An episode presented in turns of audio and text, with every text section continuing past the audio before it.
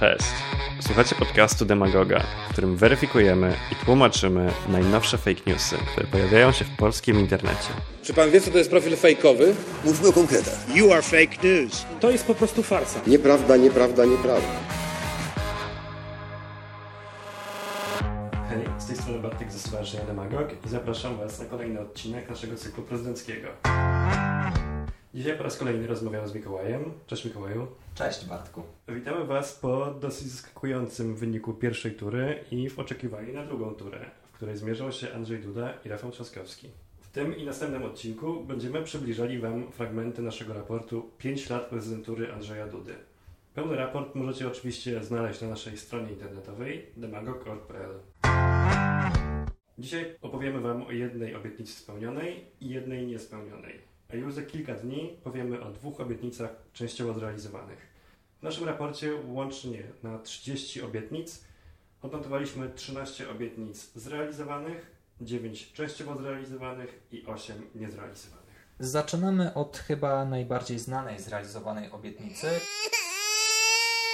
czyli programu 500. Postulat wprowadzenia świadczenia 500 zł miesięcznie na każde drugie oraz kolejne dziecko pojawił się w kampanii prezydenckiej Andrzeja Dudy, jednak oryginalny pomysł powstał w klubie Prawa i Sprawiedliwości. Tam obietnica ta była powtarzana wielokrotnie. Pierwszy raz pojawiła się w programie Prawa i Sprawiedliwości z 2014 roku, następnie natomiast przed wyborami samorządowymi w 2015 roku w konwencji programowej Myśląc Polska, a po raz kolejny w czasie kampanii przed wygranymi przez e, PiS wyborami parlamentarnymi w roku 2015. Rządowy program Rodzina 500 Plus zaczął być realizowany w kwietniu 2016 roku na podstawie ustawy o pomocy państwa w wychowywaniu dzieci z 11 lutego tego samego roku. Miał on za zadanie wspomóc rodziców w wychowywaniu dzieci poprzez przyznawanie im świadczeń w wysokości 500 zł miesięcznie, początkowo na każde drugie i kolejne dziecko. W przypadku rodzin najuboższych lub z dziećmi niepełnosprawnymi pieniądze były wypłacane także na pierwsze bądź jedyne dziecko. Świadczenia te miały częściowo pokrywać koszty związane z wychowywaniem dzieci. Pośrednim skutkiem programu miało być zwiększenie dzietności w Polsce. W tej chwili program wygląda trochę inaczej, jest znacznie rozszerzony, natomiast nasza ocena pozostaje taka sama. Uważamy tę obietnicę za zrealizowaną.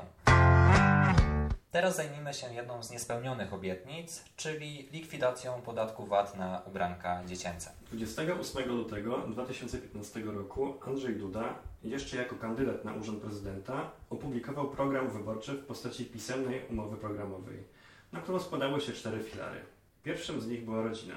Jedną z deklaracji odnoszących się do tej kategorii była obietnica likwidacji podatku VAT na ubranka dziecięce. Obniżony 7% VAT na artykuły dziecięce, w tym obuwie, odzież dla niemowląt czy pieluszki, obowiązywał w Polsce w latach 2004-2011 zgodnie z ustawą o podatku od towarów i usług z 11 marca 2004 roku.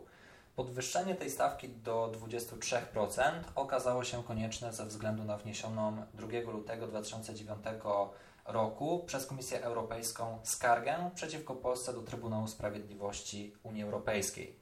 7% VAT miał uchybiać zobowiązaniom wynikającym z przepisów artykułu 98 dyrektywy VAT w powiązaniu z jej załącznikiem trzecim, zawierającym listę towarów i usług, na które można zastosować obniżone stawki VAT. No właśnie, a nie ma na tej liście ubranek dziecięcych. W związku z tym w wyroku z dnia 28 października 2010 roku SUE przychylił się do stanowiska Komisji Europejskiej i uznał, że stosując obniżoną stawkę VAT na ubranka i obuwie dla dzieci, Polska narusza przepisy unijnej dyrektywy.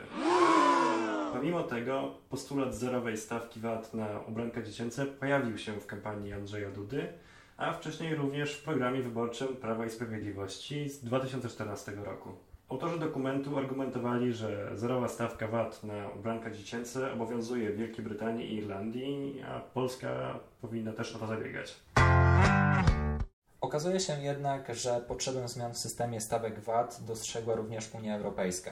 W kwietniu 2016 roku Komisja Europejska opublikowała komunikat, w którym zawarto plan ramowy reformy zmierzającej do utworzenia jednolitego unijnego obszaru VAT. W sierpniu 2019 roku minister finansów, a obecnie prezes Najwyższej Izby Kontroli Marian Banaś zwrócił się w piśmie do ministra finansów Finlandii która rozpoczęła właśnie prezydencję w Unii Europejskiej, o przyspieszenie prac legislacyjnych nad wnioskiem Komisji Europejskiej dotyczącym reformy stawek VAT. Natomiast w styczniu 2018 roku projekt ustawy obniżającej stawkę podatku VAT na odzież, dodatki odzieżowe dla niemowląt oraz na obuwie dziecięce z obecnej stawki 23% do 5% wnieśli do Sejmu posłowie Kukiz 15. Projekt został jednak odrzucony już w pierwszym czytaniu. Spośród 226 posłów, którzy zagłosowali za jego odrzuceniem, 220 pochodziło z klubu Prawa i Sprawiedliwości.